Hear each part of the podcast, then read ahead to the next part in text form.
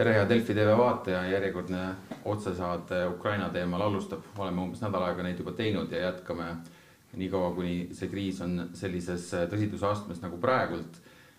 minuga koos juhib seda saadet Eesti Ekspressi ajakirjanik Joosep Tiks. tere hommikust, kuues päev täna juba.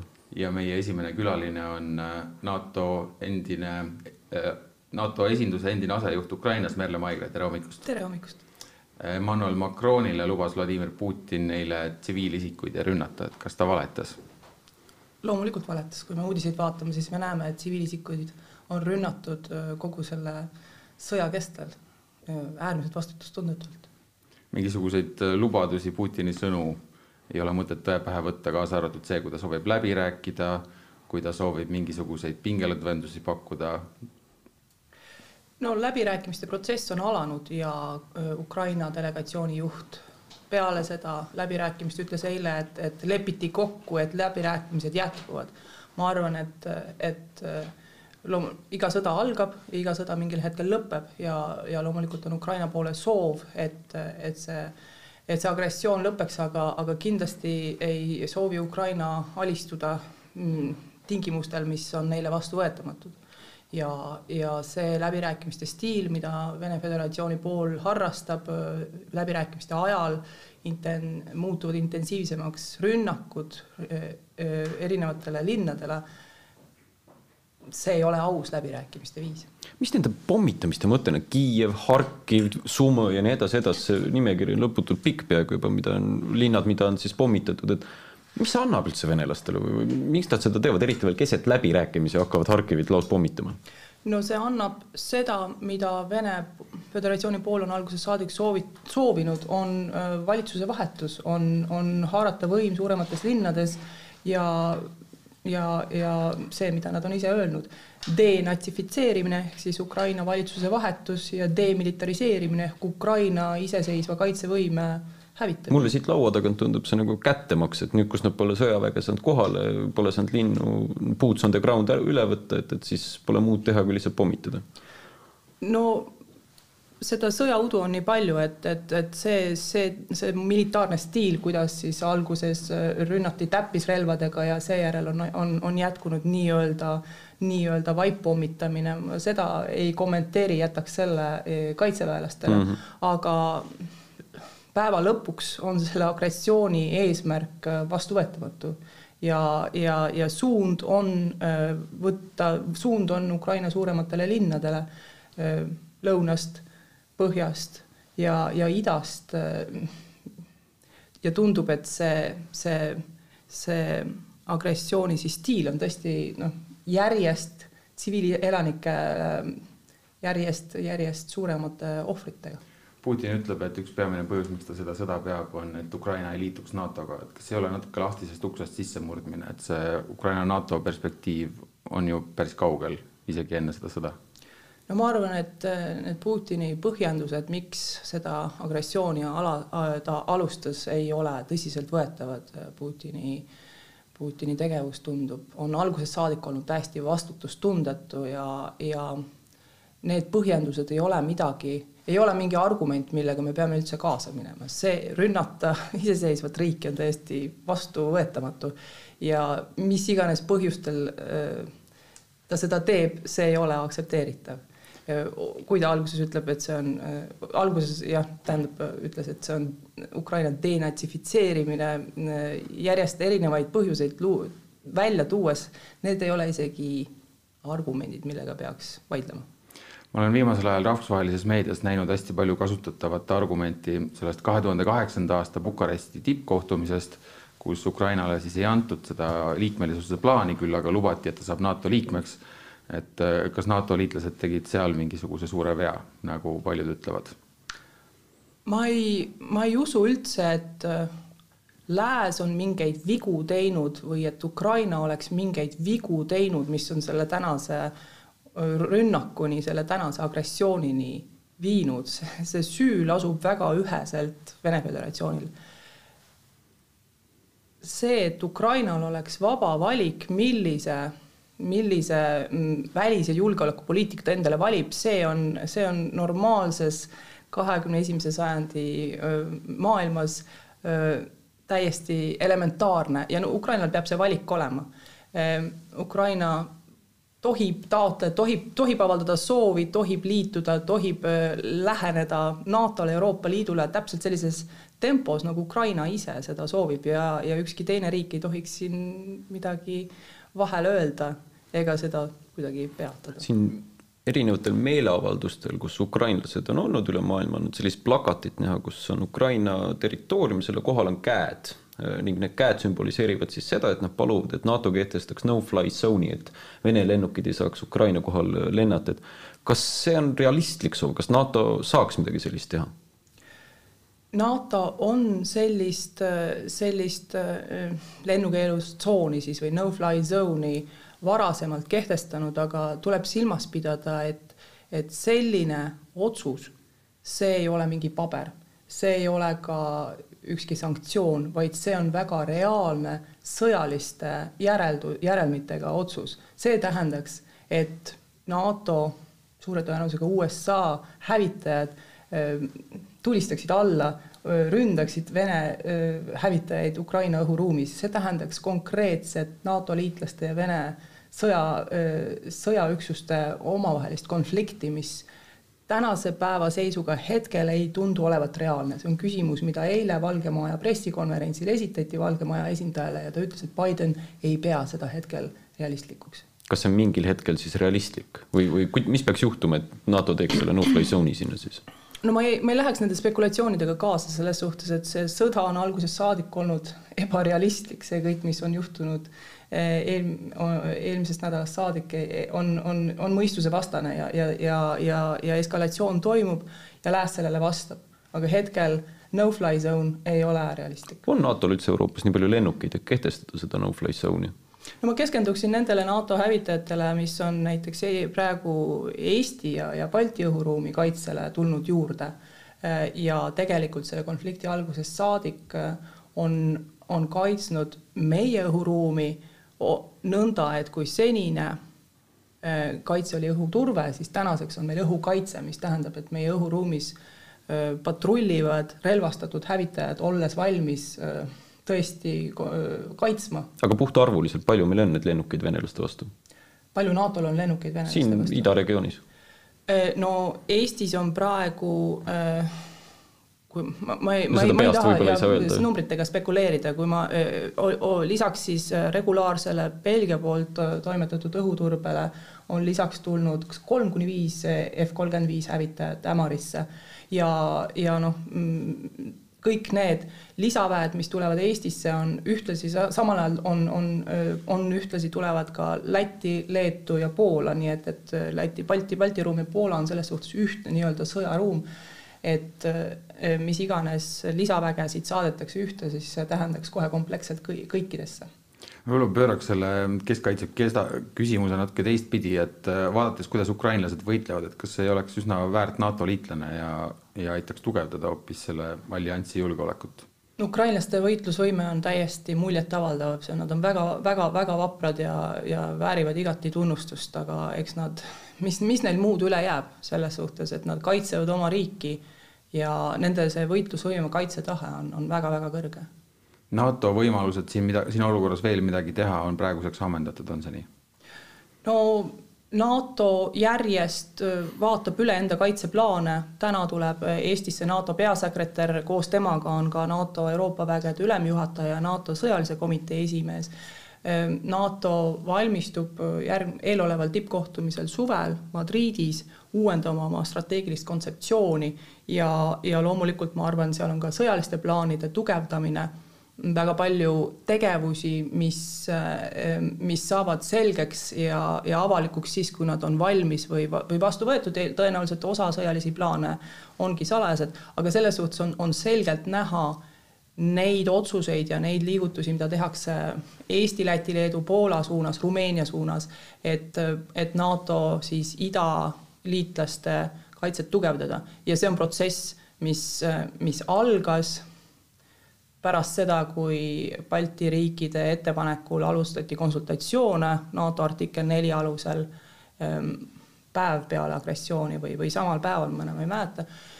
ja, ja see protsess äh, jätkub praegu, ma arvan, et see päädib mingite tõsiste otsustega, mis võetakse vastu tippkohtumisel, aga tõenäoliselt on, on otsuseid juba näha ennegi. mis on meie seisukohast, ütleme, positiivne ja negatiivne, optimistlik, pessimistlik stsenaarium just seal Madridis, et mida me tahaksime saavutada?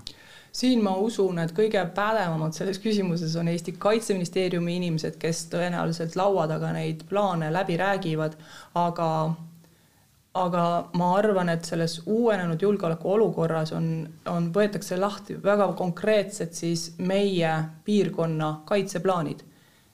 vaadatakse üle, vaadatakse nende õppetundide valguses, mida me viimase nädala sõja jooksul oleme näinud vaadatakse üle ja, ja tugevdatakse seda kaitset, selle esimesi samme me juba oleme näinud.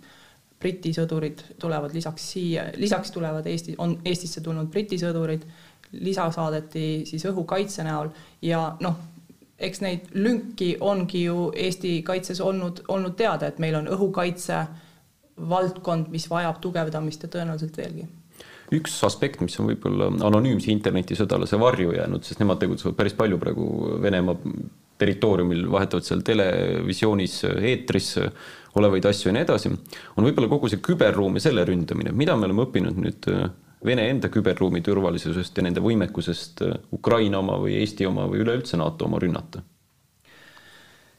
no tegelikult on praeguses konfliktis mõnevõrra üllatavgi osade, osade meelest see, et, et sellist täiemahulist ja agressiivset küberrünnet äh, ei ole Venemaa äh, Ukraina suunas äh, al alustanud, aga see võime tal kindlasti on.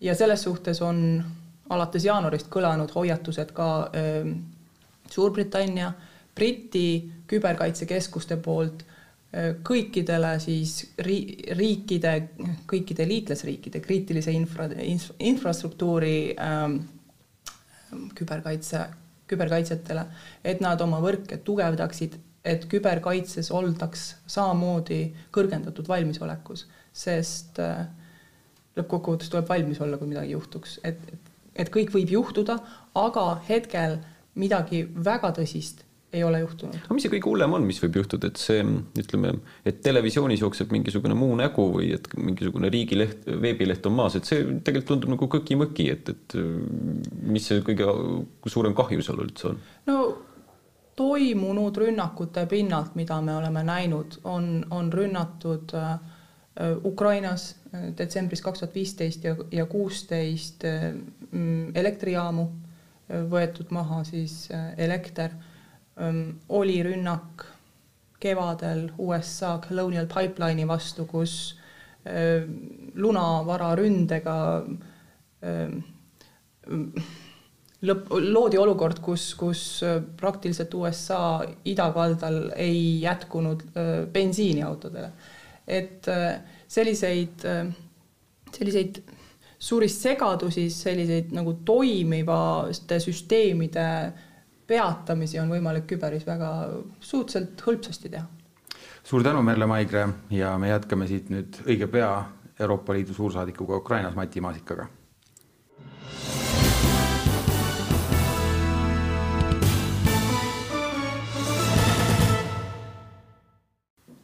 järgmine külaline on meil üle telefoni, Man on the ground, mees kohapeal Ukrainas, Mati Maasikas, Euroopa Liidu esindaja, tervist. Tere hommikust. küsiks kohe võib-olla niimoodi, et kus te praegu üldse olete, kas te olete peidus seal? ei, ma ei ole Kiievis, ma olen äh, Moldovas. lahkusin, lahkusin sõjategevuse äh, teisel päeval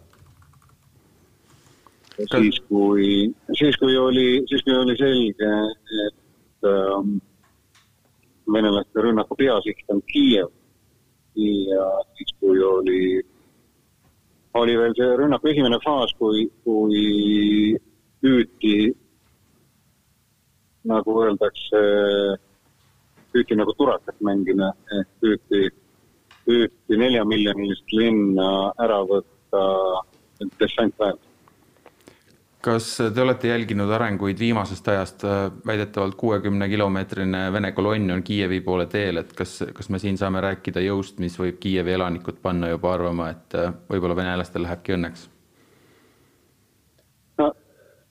täiesti selge on see, et pärast, pärast esimese, pärast esimese katse läbikukkumist. Nüüd äh, Kiiev on jätkuvalt, jätkuvalt peamine sihtmärk, peamine eesmärk ja, ja nüüd siis püütakse Kiievi peale minna ja Kiievit ära võtta nii-ütelda traditsiooniliste meetoditega. no mitte ainult, et eile hakkas ju Harkivi lauspommitamine ka. praegu räägitakse. kuulen jah, et taustal on mingi jutt. korrake küsimust, palun. et eile hakati Harkivit samuti ju lauspommitama, et, et kas see on mingi osa Venemaa strateegiast lihtsalt ära hirmutada ukrainlased suurte pommirahadega mm.? Selles sõjas, nagu me oleme juba näinud, on ka hukkuvad ka tsiviilisikud.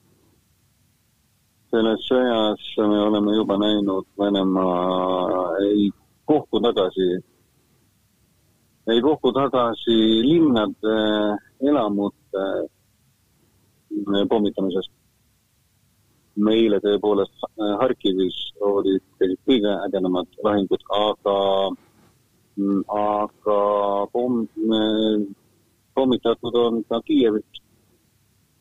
ja vaatame nüüd, kuidas see, kuidas järgmine faas seal läheb. kas ma saan aru, et Euroopa Liidu esindusest ei ole enam kedagi Kiievisse jäänud? Euroopa Liidu esindusest jah, kedagi, ühtegi, ühtegi diplomaati ei ole. kuidas teie töö praegult välja näeb? Ähm, me teeme kõik endast oleneva, et äh, aidata inimesi, kes äh, on Ukrainas. Euroopa Liit, Euroopa Komisjon otsustas välgukiirusel kogu meie abi, mida, mida Euroopa Liit annab Ukrainale erinevatel aladel. kohtusüsteemi tuge, tugevdamiseks või, või riigihalduse reformiks, kõik see abi muutub sellel aastal humanitaarabiks, see tähendab inimeste, inimeste hetkevajadust. Äh, aitamist. ja me tegeleme praegu sellega, kuidas, kuidas aidata inimesi, kes on, kes on kas konkreetselt piiri peal äh, või siis, kes, kes vajavad juba, kes vajavad juba humanitaarabi sügav, Ukraina sügavust. küsiks seda, et mis järgneb sellele sõjale, kas Euroopa Liidul on tagataskus mõni Marshalli plaanilaadne ettevõtmine või kui suureks on jutud sellest läinud, et peaks Ukrainat uuesti üles ehitama hakkama?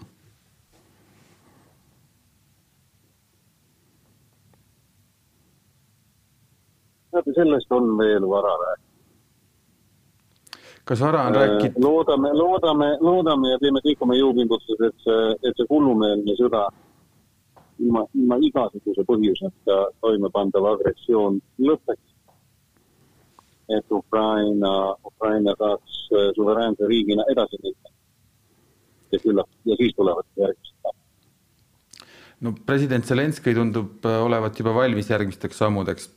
ta allkirjastas eile siis otsuse esitada Äh, liikmetaotlus Euroopa Liidule, ma nüüd täpselt ei teagi, et kas see on üldse selline nõuetekohane või et kas see üldse kvalifitseerub äh, liikmelisuse avaldusena. aga noh, nendest kolmest variandist liikmelisuusperspektiivi andmine, kandidaatriigi staatuse andmine või liikmeks võtmine, et kas ükski neist on praegult päevakorral? ei ole seni olnud päevakorral, aga on meil esmaspäevast kõik. täna meil teisipäev, kui äh, nädal tagasi, nädal tagasi äh, ei olnud väga paljud asjad isegi mõeldama, mis praeguseks on tehtud. nii et äh, jällegi, see äh,, see ei ole minu kätes, see on Euroopa Liidu riigipeade ja valitsusjuhtide kätes äh,. Aga äh, aga see on väga, see on loomulikult väga ebatraditsiooniline samm, mida Zelenskõi tegi. aga samas need on ka erakordselt ebatraditsioonilised ajad meil praegu käes. mida te ütleksite, mis oleks teie hinnang, kas nad tuleks võtta Euroopa Liitu niimoodi kiiremas korras? minu isiklik seisukoht on see, et äh, Euroopa Liidu laienemispoliitika on Euroopa Liidu kõige edukam välispoliitika element üldse. seda oleme meie ka iseenda nahal tundnud, kuidas laienemise, kuidas liikmesuse perspektiiv või liiklus, liikmesuse võimalus muutis, muutis tervet Kesk- ja Ida-Euroopat paremaks, turvalisemaks, stabiilsemaks ja jõukamaks piirkonnaks juba isegi enne, kui liitumine tegelikult toime sai. kui, kui meile avanesid Euroopa Liidu fondid, kui me saime Euroopa Liidu nõu, kuidas Euroopa seadusandlust üle võtta. selles mõttes on minu meelest liikmesuse perspektiiv ja lubadus, et kui te täidate kriteeriumid, siis te saate. ja see on väga hea motivaator riikidele. nii et mina isiklikult toetan tulist ja mitte ainult põhimõtte pärast, sest kui üks rahvas on otsustanud hakata euroopalikuks selle sõna poliitilises mõttes Ukraina, Ukraina on Euroopa riik ajaloo järgi, kultuuri järgi, majanduse järgi, aga kui üks rahvas on otsustanud saada euroopalikuks ka kuna poliitilises mõttes. Kes oleme meie, et öelda, et ei, te ei saa saada. et siin on nii moraalne pool, poliitiline pool kui ka väga praktiline pool. nii et mina isiklikult muidugi toetan kiiret, kiiret liikumist selle, selle liikmesstaatuse selle viimase viie-kuue päeva jooksul, mis on olnud ukrainlaste kõige põhilisemad, tugevamad sõnumid teile kui Euroopa Liidu esindajale?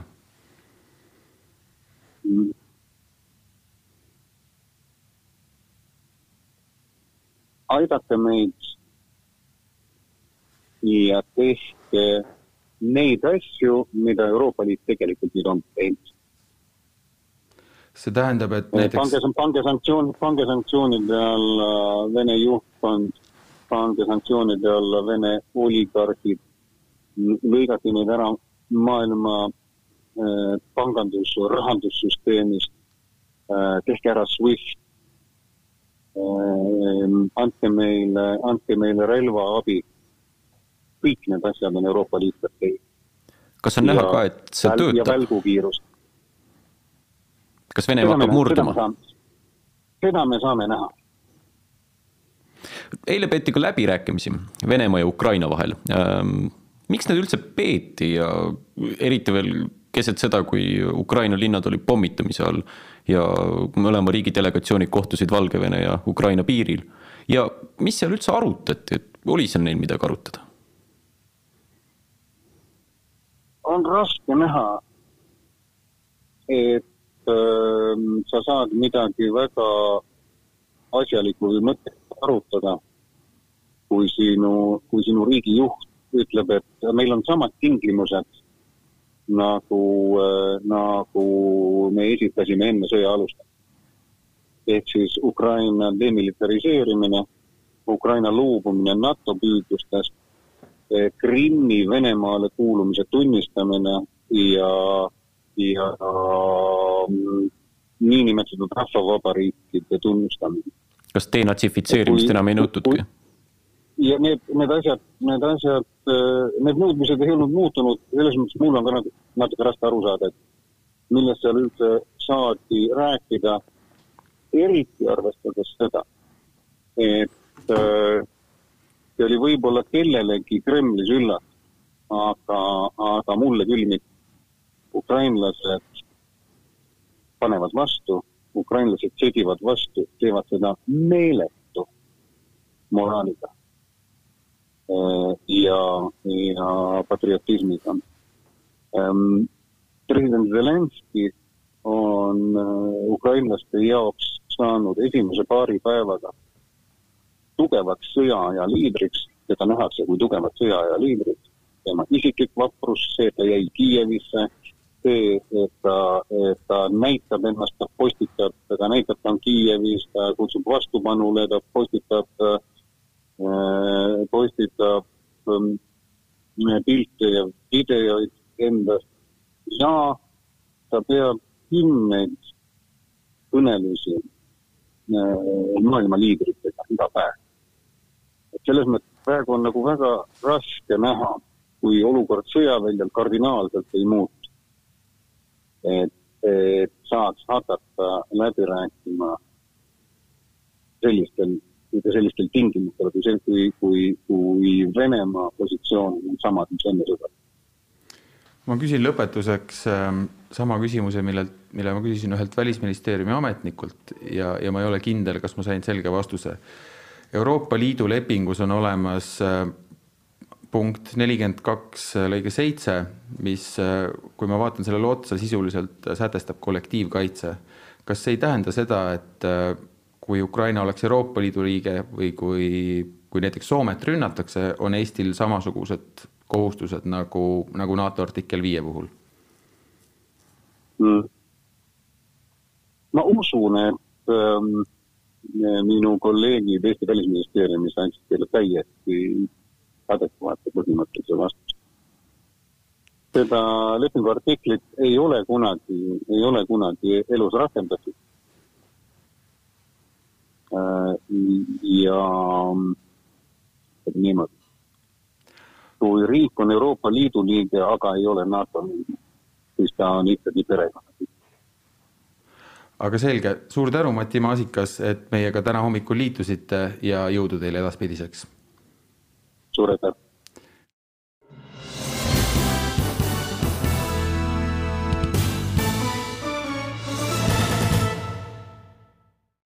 Tere tulemast tagasi Delfi Ukraina teemalisse erisaatesse ja nüüd me räägime millestki üsna helgest selle koleda konflikti kontekstis. laupäeval toimus üks äh, kõige mälestusväärsemaid äh, meeleavaldusi ilmselt äh, taasiseseisvunud Eesti ajaloos, võib-olla üldse. me räägime sellest koos selle meeleavalduse peakorraldaja Sergei Metleviga, tere hommikust. hommikust. ning seal esinenud ja olulist rolli mänginud Sviatavatra juht Ruslan Drošinski, tere hommikust. tere hommikust no Ruslan, millise mulje sulle jättis see kogemus? Oh,? mis mulle? Ikka raske rool nagu seista laval, aga äh, see on ikka nagu nii tähtis, et läbi laulud anda inimestele sõnum ja see ongi selline asi, nii nagu Woodstock, äh, mitte Woodstockil, aga, aga ka on sarnane, pole käinud Woodstockil päriselt Slovjanskis vabastatud, kui eh, esinesin, siis oligi selline ka nagu erakordne tunne, et sa annad inimestele, sa ühendad neid, sa annad neile mingi lootus ja praegu ka, kui, kuidas sa näed, kuidas silmad nagu, kuidas kõik nagu hoiavad äh, Ukraina äh, sümbooli, sümbool, sümboolikat ja kõik nagu toetavad Ukraina äh,. ja see on kõik eestlased, Eestimaa inimesed, kes nagu sellel hetkel nagu, neil ei ole ükskõik, isegi kui võib-olla need mõtlesid enne, ma kuulun ühele partii või teisele, sellel hetkel see on üks Eestimaa. Sergei, sina olid peakorraldaja, sa ütlesid siin saates ähm,, oli see viis päeva tagasi, mõni päev või samal hommikul tegelikult, et, et sa tahtsid korraldada sellise meeleavalduse, mida Vabaduse väljak pole kunagi näinud. no minu silmad ei olnudki midagi sellist näinud. kuidas see õnnestus?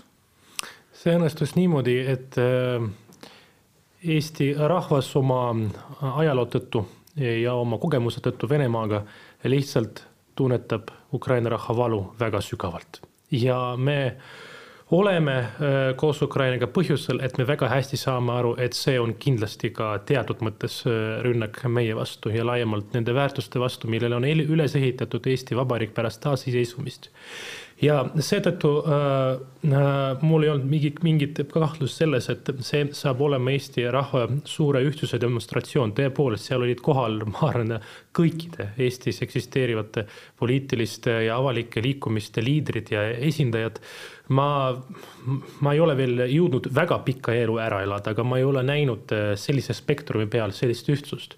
ja teisiti ei olegi võimalik, et küsimus on, küsimus on äh, vaba Euroopa ellujäämises.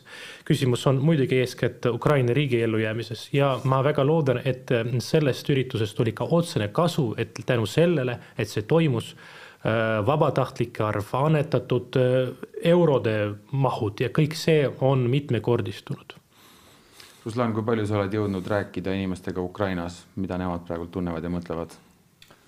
no iga, iga päev räägin, kui õhtul, kui päeval, kui hommikul, kui on võimalus, keegi kirjutab ja, ja siis kõik ütlevad nagu no, jällegi ja jällegi pommitavad, aga me ei anna alla, me oleme tugevad, me ei pea nagu nutma, nii nagu meie oleme, siis nagu no, teevad nagu, viskavad ka nagu naljad sellised nagu huumoriga nagu, mis nagu tõstab boevoi duh selline ja siis äh, ja see on kõik muusikud ja see on kõik tavalised inimesed, kellega ma suhtlesin, kellega koolis õppisin, konservatoorias või lihtsalt kuskil teatris mängisin. see on minu vanuse inimesed, need on reaalsed, postitavad praegu mitte viiuliga pildid kuskil nagu laval, aga automaatiga nagu, et nüüd ma lähen kaitsma, nüüd ma olen seal, nüüd ma teen seda meeleolu loomulikult on inimesed, kes kardavad oma laste pärast, see on loomulik asi.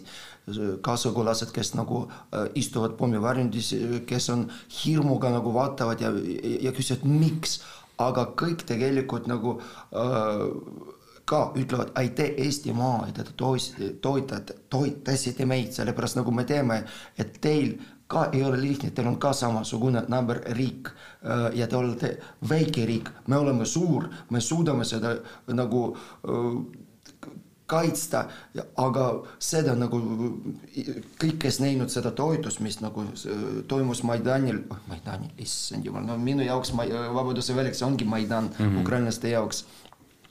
Äh, see ongi näitas, et kõik ukrainlased teavad, kus on Eestimaa kõik lihtsalt äh, tänulikud ja ütlevad jah, aitäh läänes, lääne meedias on natukene isegi üllatutud Ukraina vastupanuvõime üle, et kas ukrainlased ise on ka üllatunud, et, et ei ole veel Kiievit, Harkivit ära võetud või nad uskusid endasse algusest peale?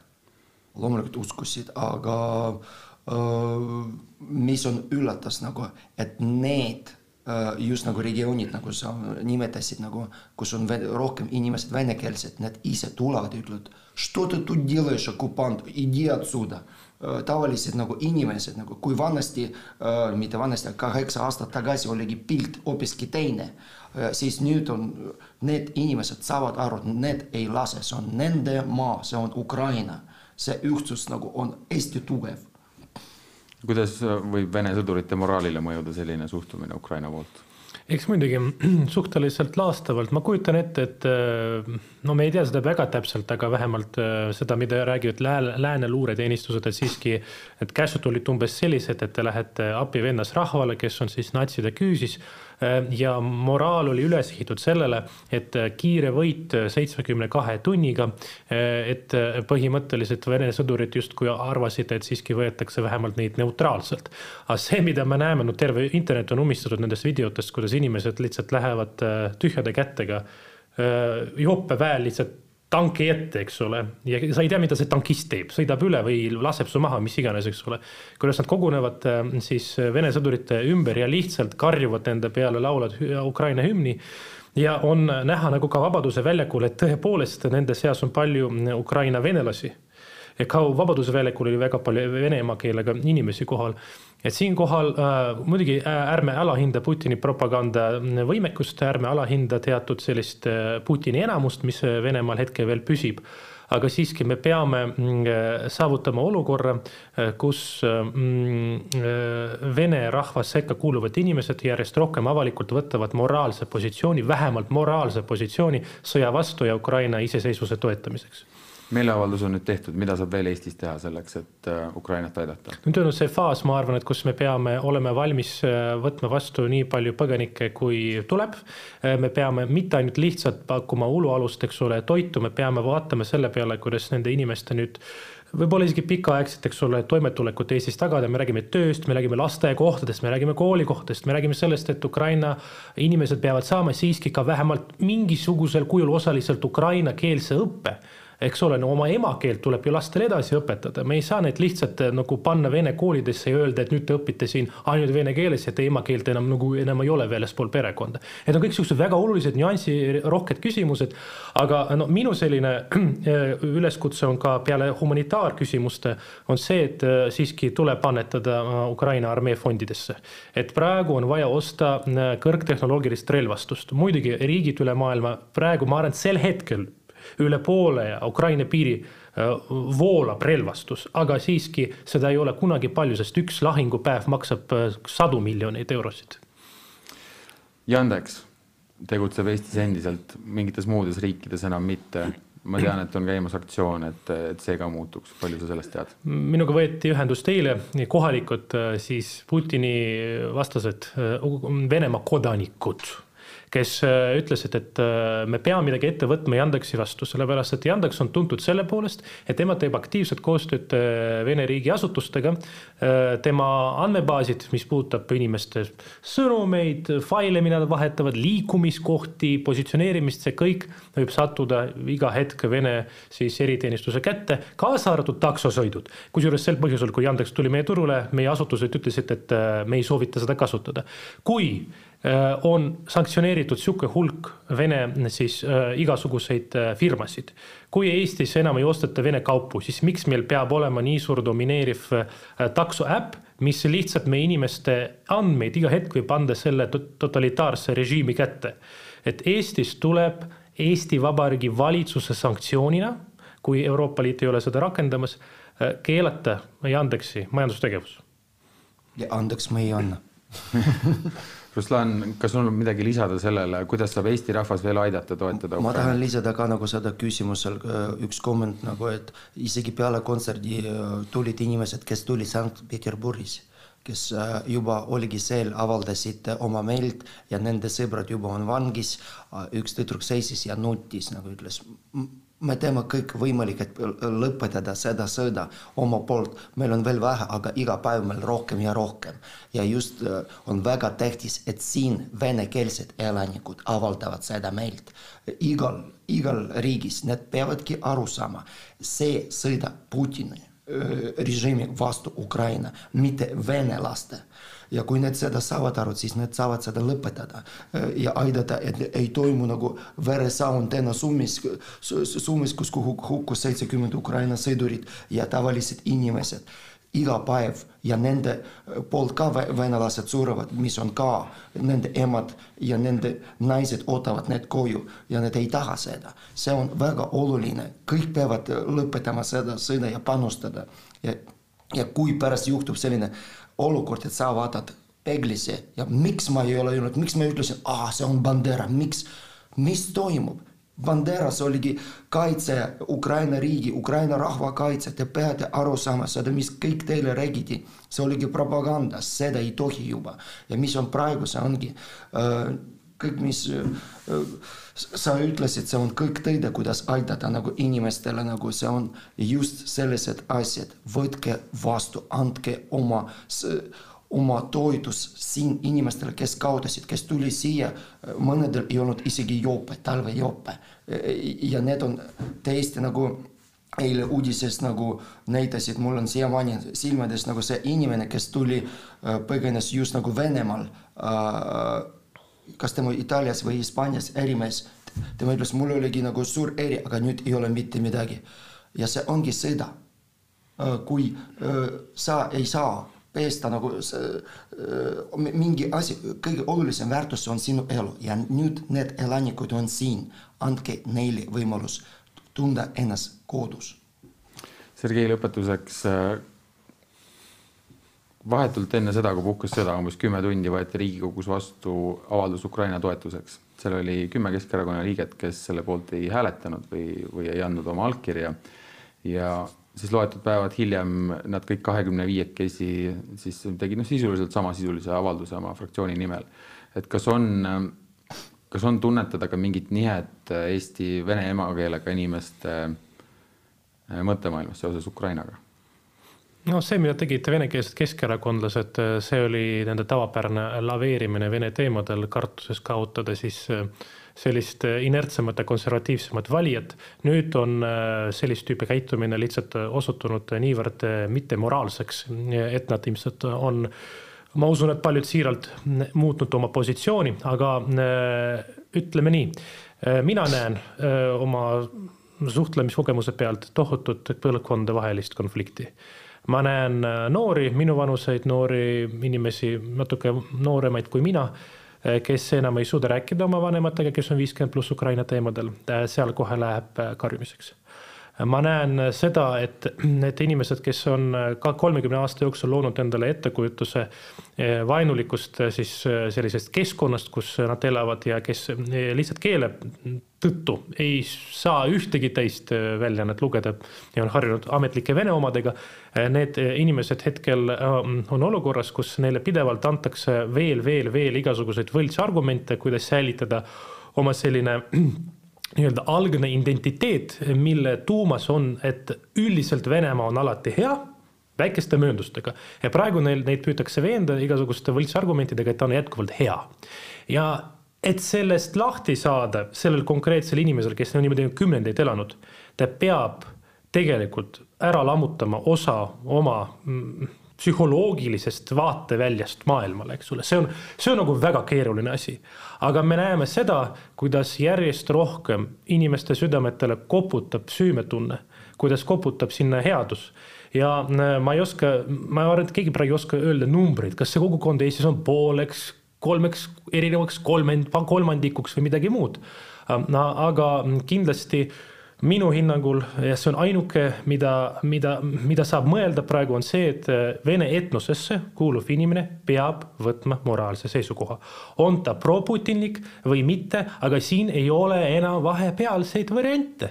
ja kui see on putinlik, siis tuleb inimesele ka, inimene peab selgeks endale tegema, see on väga oluline tema edaspidisele elule ka, et ta ennast paigutab ajaloo valele tumedale poole ja nii on lihtsalt Ruslan, Sergei, suur tänu, et tulite, oli võimas meeleavaldus, me jätkame siit peagi oma viimase külalisega.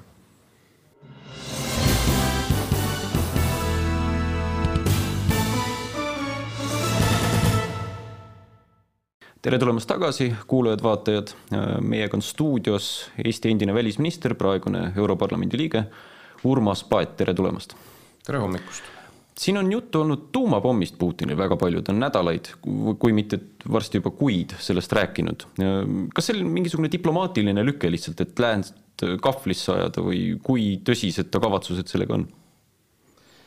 noh, kõigepealt tuleb öelda see lause, et me keegi ei näe Putini pähe.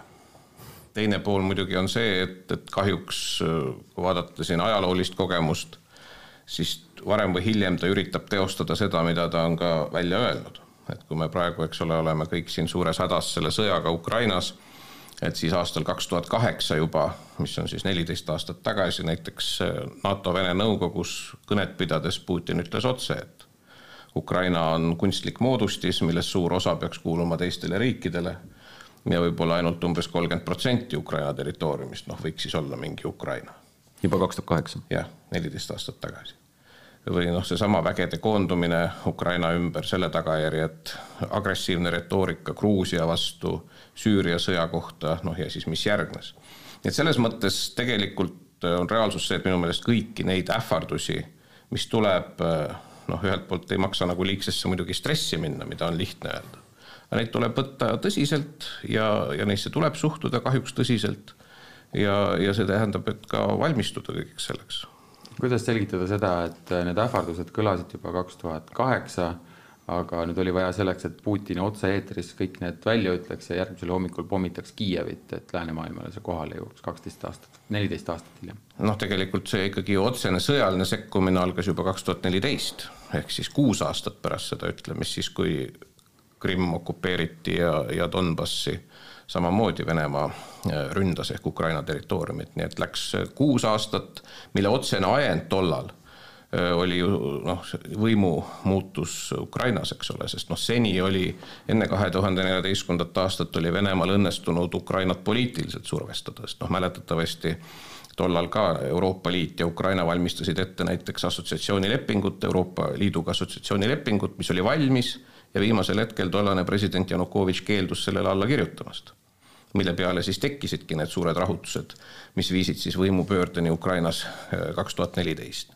ja noh, pärast seda, äh, eks ole, selle või tähendab võimupöördeni juba varem kui kaks tuhat neliteist, aga kaks tuhat neliteist siis reaktsioonina sellele, et enam nii-öelda poliitiline surve ja majanduslik surve ei aidanud, noh siis jah, Venemaa läks otseselt äh, sõjaliselt Ukrainale kallale ja nüüd viimase siis kaheksa aasta jooksul noh, kindlasti üks mõtteid või lootusi Venemaal oli see, et see sõjaline surve ja destabiliseerimine Donbassiga ja noh, Krimmi okupeerimine, et see tekitab Ukraina ühiskonnas endas niivõrd keerulise olukorra, et see võim ei püsi, aga noh, nüüd kaheksa aastat on näidanud, et püsis küll ja Ukraina ei loobunud oma läänesuunalisest liikumisest, nii et noh, nüüd siis on mindud nii-öelda täispanga peale. praegu on ju vaata et kogu lääs ja peaaegu et kogu maailm Ukraina selja taga, et kas Putin kaotab selle sõja? noh, selja taga küll, aga mitte niivõrd ju seal kohapeal, eks ole, et, et jah, antakse abi, nüüd ka, eks ole, päris ulatuslikku sõjalist abi, Venemaa suhtes on värskelt kehtestatud sanktsioone erinevaid, aga võitlust otseselt, sõjalist võitlust peab siiski Ukraina üksi, see on see reaalsus. Ehm, rääkida täna, kes võidab või kaotab, on noh, selles mõttes minu meelest nagu ikkagi väga selgelt ennatlik et noh, kui vaadata sedasama Vene poliitikat seal, kas Putini poliitikat, siis noh, mina ei kujuta ette olukorda, et äh, tänase Venemaa liidriga ehk Putiniga oleks võimalik olukord, kus Venemaa lööb käega, ütleb, et ah, las olla. et me siin natukene nii-öelda ründasime, aga nüüd lähme koju tagasi. ma ei pea seda reaalseks, ma siiski kardan ja ma väga loodan, et ma eksin. aga noh, ma kardan, et, et siiski me saame näha ikkagi väga pikka ja väga verist äh, võitlust Ukrainas äh, just seetõttu, et see eesmärk äh, Ukraina allutada otseselt Moskvale, Vene kontrollile on olnud ju kogu aeg ja noh, nüüd nagu ma ütlesin, on, tundub, et on mindud ikkagi täispanga peale, vaadates kogu seda ressurssi, mida Venemaa on sõjaliselt Ukraina suunale pannud ja teisalt, mida olla, ollakse valmis siis alla neelama ehk kogu seda äh, sanktsioonide paketti ja, ja majanduslikku survestamist. kas Putinil, äh, kas Putinil sõdurid otsa ei saa üks hetk? noh, kunagi saavad kõik asjad otsa, aga kui vaadata ikkagi nagu reaalselt jõudude vahekorda ka massi seisukohalt, ühelt poolt Ukraina, teiselt poolt Venemaa, noh siis see on ju kordades ja kordades on muidugi Venemaa jõudude ülekaal seal. et noh, iseasi on see, kui palju sinna tänaseks on kohale viidud, aga noh, tegelikult paraku potentsiaali ju Venemaal on oluliselt rohkem, kui ta täna on seal kasutanud erinevaid relvastusliike veel ja erinevaid väga jubedaid relvastusliike ja, ja massi ja kõike, eks ole, et selles mõttes noh, lihtsalt ka arvuline vahe nii-öelda elavjõus, kui Ukraina, eks ole, on noh, alla viiekümne miljoniga või umbes viiekümne miljoni elanikuga riik, noh siis Venemaa on ju ikkagi peaaegu kolm korda suurem, et noh, sealt tuleb ka see vahe sisse muidugi. Mida Euroopa Liit nüüd teha saab, need erinevad stsenaariumid alates liikmeks võtmisest kuni nende väiksemate variantideni, kas mõni neist on laual? Noh, kõige praktilisem muidugi täna on see otsene reaalne abi Ukrainale kõikides valdkondades, alates noh, sellest samast sõjalisest, mida ju nüüd ka on eh, otsustatud ka Euroopa Liidu tasandil Ukrainale anda majandusabi, meditsiiniabi, noh ka põgenike aitamine ehk humanitaarne pool on üks osa sellest. ja noh, siis on selline poliitiline nii-öelda moraali üleval hoidmine, noh poliitilise otsusega minu meelest on täna võimalik teha see otsus, et Ukraina saaks Euroopa Liidu kandidaatriigi staatuse. aga noh, selleks on ka jälle vaja, et kõik kakskümmend seitse liikmesriiki oleksid nõus. kas nad on? ei tea praegu veel, et need eh, diskussioonid kindlasti sellel nädalal ka ja järgmisel käivad, noh. nii et see võib-olla on selline formaalsetest sammudest võiks olla võimalik noh, edasine, mis on juba ju kaugem tulevik, noh, kui üks riik, antud juhul kui Ukraina peaks saama kandidaatriigiks, noh siis algavad, eks ole, läbirääkimised kõigi nende liitumispeatükkide üle ja noh, see võib olla siis juba väga pikk protsess, aga ütleme, et praeguses etapis kandidaatriigi staatuse andmine, noh, ütleme minu hinnangul võiks see olla võimalik, kui on piisavalt poliitilist tahet, aga noh, see eeldab kahtekümmet seitset ja noh, juba eile ma kuulsin siit ja sealt riikidest, et noh, see ikkagi ei peaks täna olema selline, sellises keerulises olukorras, eks ole, üks asi, mida otsustada, nii et noh, saab näha, kindlasti need kõnelused ei ole, no need nagu ikka, kes on need esimesed skeptikud üldse Euroopa Liidu laienemise Küpros, suhtes. Itaalia. Noh, jah, aga see ei ole riik kui selline, vaid noh, ütleme näiteks saadikud nendest riikidest, eks ole, noh kelle jaoks see, et Ukraina võiks olla Euroopa Liidus, noh, tundub väga võõras mõte, eks ole, ja kui vaadata üldse ju see mõtte arengut lääneruumis, siis see on tegelikult muidugi toimunud väga kiiresti, noh, seda, mida on ju ka siin palju räägitud, kuidas päevadega on tehtud otsuseid Euroopa Liidu ja riikide poolt Euroopa Liidus, mida noh, tavaolukorras võib-olla poleks kunagi tehtud või siis oleks tehtud aastatega. noh, ükskõik, on see Saksamaa kannapööre suhtumises, eks ole, julgeoleku ja kaitsepoliitikasse või ka seesama Euroopa Liidu poolsete sanktsioonide ulatus ja nii edasi, nii et noh, ma väga loodan, et, et selles olulises poliitilises sõnumis siiski on võimalik saavutada kokkulepe, mis kandidaatriigi staatust puudutab Ukrainale. aga noh, see on selline praegu üks poliitiline sõnum, et noh, tegelikult nagu muidugi oluline on see, et mis toimub praegu siiski Ukrainas endas ja, ja kuidas, kuidas see pealetung ikkagi väärata seal kuidas on meeleolud Venemaal sees, et seal on ju päris kõvad sanktsioonid nüüd peale pandud, riigil on äh, rublakriis vaikselt tulemas ja nii edasi, et äh, kas on tõenäosus, et äh, Putini võim ja rünnak lõpeb sealsamas Venemaal sees inimeste enda tahtel? no me ju kõik loodame seda, eks ole, et, et see muudatus ka sellele arutule sõjale tuleks sellega, et noh, Venemaal juhtkond muutub või, või eks ole, rahvas tõuseb liidri vastu. noh, me seda loodame jah, aga noh, jälle, kui me vaatame, mis on nagu tõsiasjad, eks ole, noh, esiteks muidugi sanktsioonide mõju täies ulatuses ju ei ole kuhugi veel jõudnud, eile oli alles esimene päev. nii et noh, jälle öelda, et juba kõik, eks ole, on pilla-palla, noh. kõik ootavad krahhi. on vara teiseks noh, eks need uuringud on nagu nad on, aga noh, midagi nad siiski näitavad, et noh, eile siin tuva, tutvustati ühte värsket avaliku arvamuse uuringut Venemaal, eks ole, mille järgi kuuskümmend kaheksa protsenti selle uuringu kohaselt toetab Putini sõda Ukrainas, kuuskümmend kaheksa protsenti ja selle nädala jooksul on, on see tõusnud veel, see protsent isegi. ja noh, põhjused eh, siis seal küsitluses oli ka, et noh, mis siis inimesed ütlevad põhjuseks, miks nad jah toetavad ja noh, esimesel kohal oli see, et, et eks ole, Putin kaitseb venelaste õigusi Donbassis. teiseks võitleb NATO baaside vastu Ukrainas, eks ole ja noh, kolmandaks siis tahab saada, et, et Ukraina noh, üleüldse lõpetaks vaenuliku suhtumise, eks ole, Venemaasse. lihtsalt propaganda töötab selle pärast. just nimelt jah, et, et, et selles mõttes äh,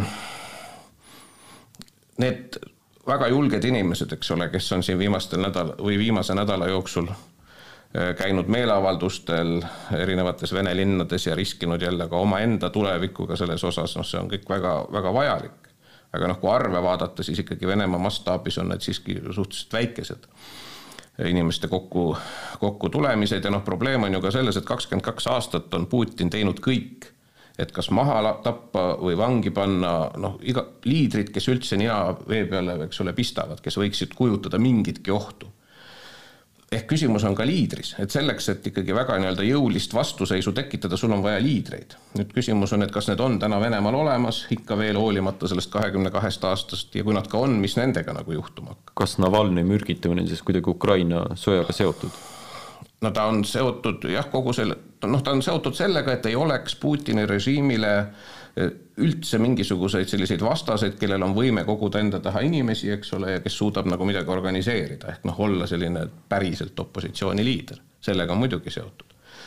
Ja nii et noh, see on üks. Ja noh, teine kogu see majanduslik pool on ikkagi see, et, et muidugi see on nagu keeruline ja raske, aga noh, kui ma toon siin paralleeli, et Nõukogude Liit püsis üle seitsmekümne aasta, eks ole. Ja oli täpselt niimoodi, et ta ei olnud üldse ju läänega majanduslikult peaaegu kuidagi seotud ja, ja selle aja jooksul toimus igasuguseid õudusi alates teisest maailmasõjast ja Stalini repressioonidest ja millest iganes ja ometi see režiim püsis. Nii et, et noh, selleks, et nagu adekvaatselt püüda olukorda hinnata, noh, tuleb vaadata paraku ka seda mittemeeldivat poolt, eks ole, ja, ja ka ajaloolist kogemust nii et mis ei tähenda seda, et, et noh, ei tuleks neid asju kõiki teha, muidugi tuleb, tuleb üritada seda režiimi survestada ja nii edasi, aga noh, kujutada ette, et see on noh, lihtsalt selle, et tekivad tekib sularaha puudus näiteks või, või mingisugused majanduslikud probleemid, et siis selle peale kogu ühiskond laseb kohe käed rüppe ja, ja lõpetab selle sõja Ukrainas, noh siis see ei ole kahjuks nii lihtne. kuidas me oma ootusi kalibreerima peaks, kui kaua see kõik veel kesta võib? noh, mina pigem soovitaks nagu selleks, et mitte kiiresti pettuda, mitte arvata, et see on väga nagu lühikene protsess. ja just sellel samal põhjusel, et ma ei näe täna, kuna see konflikt on selles mõttes ju täiesti põhimõtteline, et ühelt poolt Putini režiimi poolt soovitakse Ukraina saada oma kontrolli alla täiesti üheselt. ja, ja noh, seal ma ei näe, et on mingeid järeleandmisi kuskilt paistmas. ja noh, teiselt poolt Ukraina ja Ukraina inimesed ju võitlevad omaenda allesjäämise eest. see on niivõrd põhimõtteline konflikt, et nüüd siin eeldada, et see on nagu päeva või paariga läbi, noh, sellist illusiooni ei maksa kellelgi loota. nii et ma arvan, et see pigem on ikkagi selline pikem lugu, mis tähendab ka seda, et näiteks meie siin ja, ja kogu üldse läänemaailm ja maailm noh, peab olema ikkagi põhimõtteliselt valmis Ukrainat aitama väga pikka aega et ei ole nii, et me siin teeme nüüd ühe miitingu, eks ole, mis on väga oluline ja, ja viis päeva raadiosaateid ja noh, siis kukub see Ukraina sündmustik kuidagi tavaliste uudiste sekka, et kui me tahame ka tegelikult Ukrainat ja Ukraina ühiskonda aidata, siis tuleb jah, panna vaim valmis ikkagi päris pikaajaliseks toetamiseks ja samal tõsisel tasemel nagu need viimased päevad. mis on väga raske, sest noh, ikka inimesed väsivad ja kogu sellest uudistevoost ja see tähelepanu hajub ja nii edasi, aga noh, seda ei tohiks lasta juhtuda Urmas Paet, ma tänan teid, et tulite stuudiosse meile siia. kõlate küll pisut pessimistlikult, jah? no ma arvan, et ootusi selles mõttes meid nagu, see on ka alati nagu probleem, et kui ootused nagu tulevadki sellised hurraa ootused ja siis tegelikult see ei täitu, et noh, siis tekib selline pettumus ja noh, ma arvan, et see on palju hullem see, kui olla pigem natukene ettevaatlikum oma väga suurte ootuste osas ja valmistuda selleks, et panustada tuleb pikka aega et noh, see on see ajadimensioon ja, ja ütleme, Venemaa-poolne kindlasti üks osa taktikast on Ukraina kurnamine ja ka läänemaailma kurnamine ja läänemaailma avaliku arvamuse kurnamine. sest noh, ega siis ka nende samade majandussanktsioonide mõju hakkab tulema ju ka läänemaailma. ja noh, me kõik teame, et vene inimene paraku ajaloolistel põhjustel on oluliselt kannatlikum kõikvõimalike raskuste suhtes kui lääne inimene nii et eks ka selle peale kindlasti Venemaa mängib, nii et me peame noh, enda jaoks nagu jah, läbi mõtlema ka kõik need riskikohad, et noh, see, et täna tundub, et või eile tundus või üleeile tundus, et et justkui Ukraina jääb nagu lahingutes peale, noh muidugi see on väga tore emotsioon. aga see sõda selles mõttes ei ole ju läbi, eks ole, me täna hommikulgi vaatame, kuidas jälle mingi kuuekümne kilomeetrine kolonn liigub ja ja kuidas suuri linnu lihtsalt labaselt pommitatakse ja nii edasi ja nii edasi, nii et, et selles osas ja noh, Valgevene muidugi on täielikult täna ikkagi, pole olemas iseseisvat Valgevenet et see on osa sellest suurest Venemaa äh, nii-öelda sõjalisest kompleksist juba tänaseks.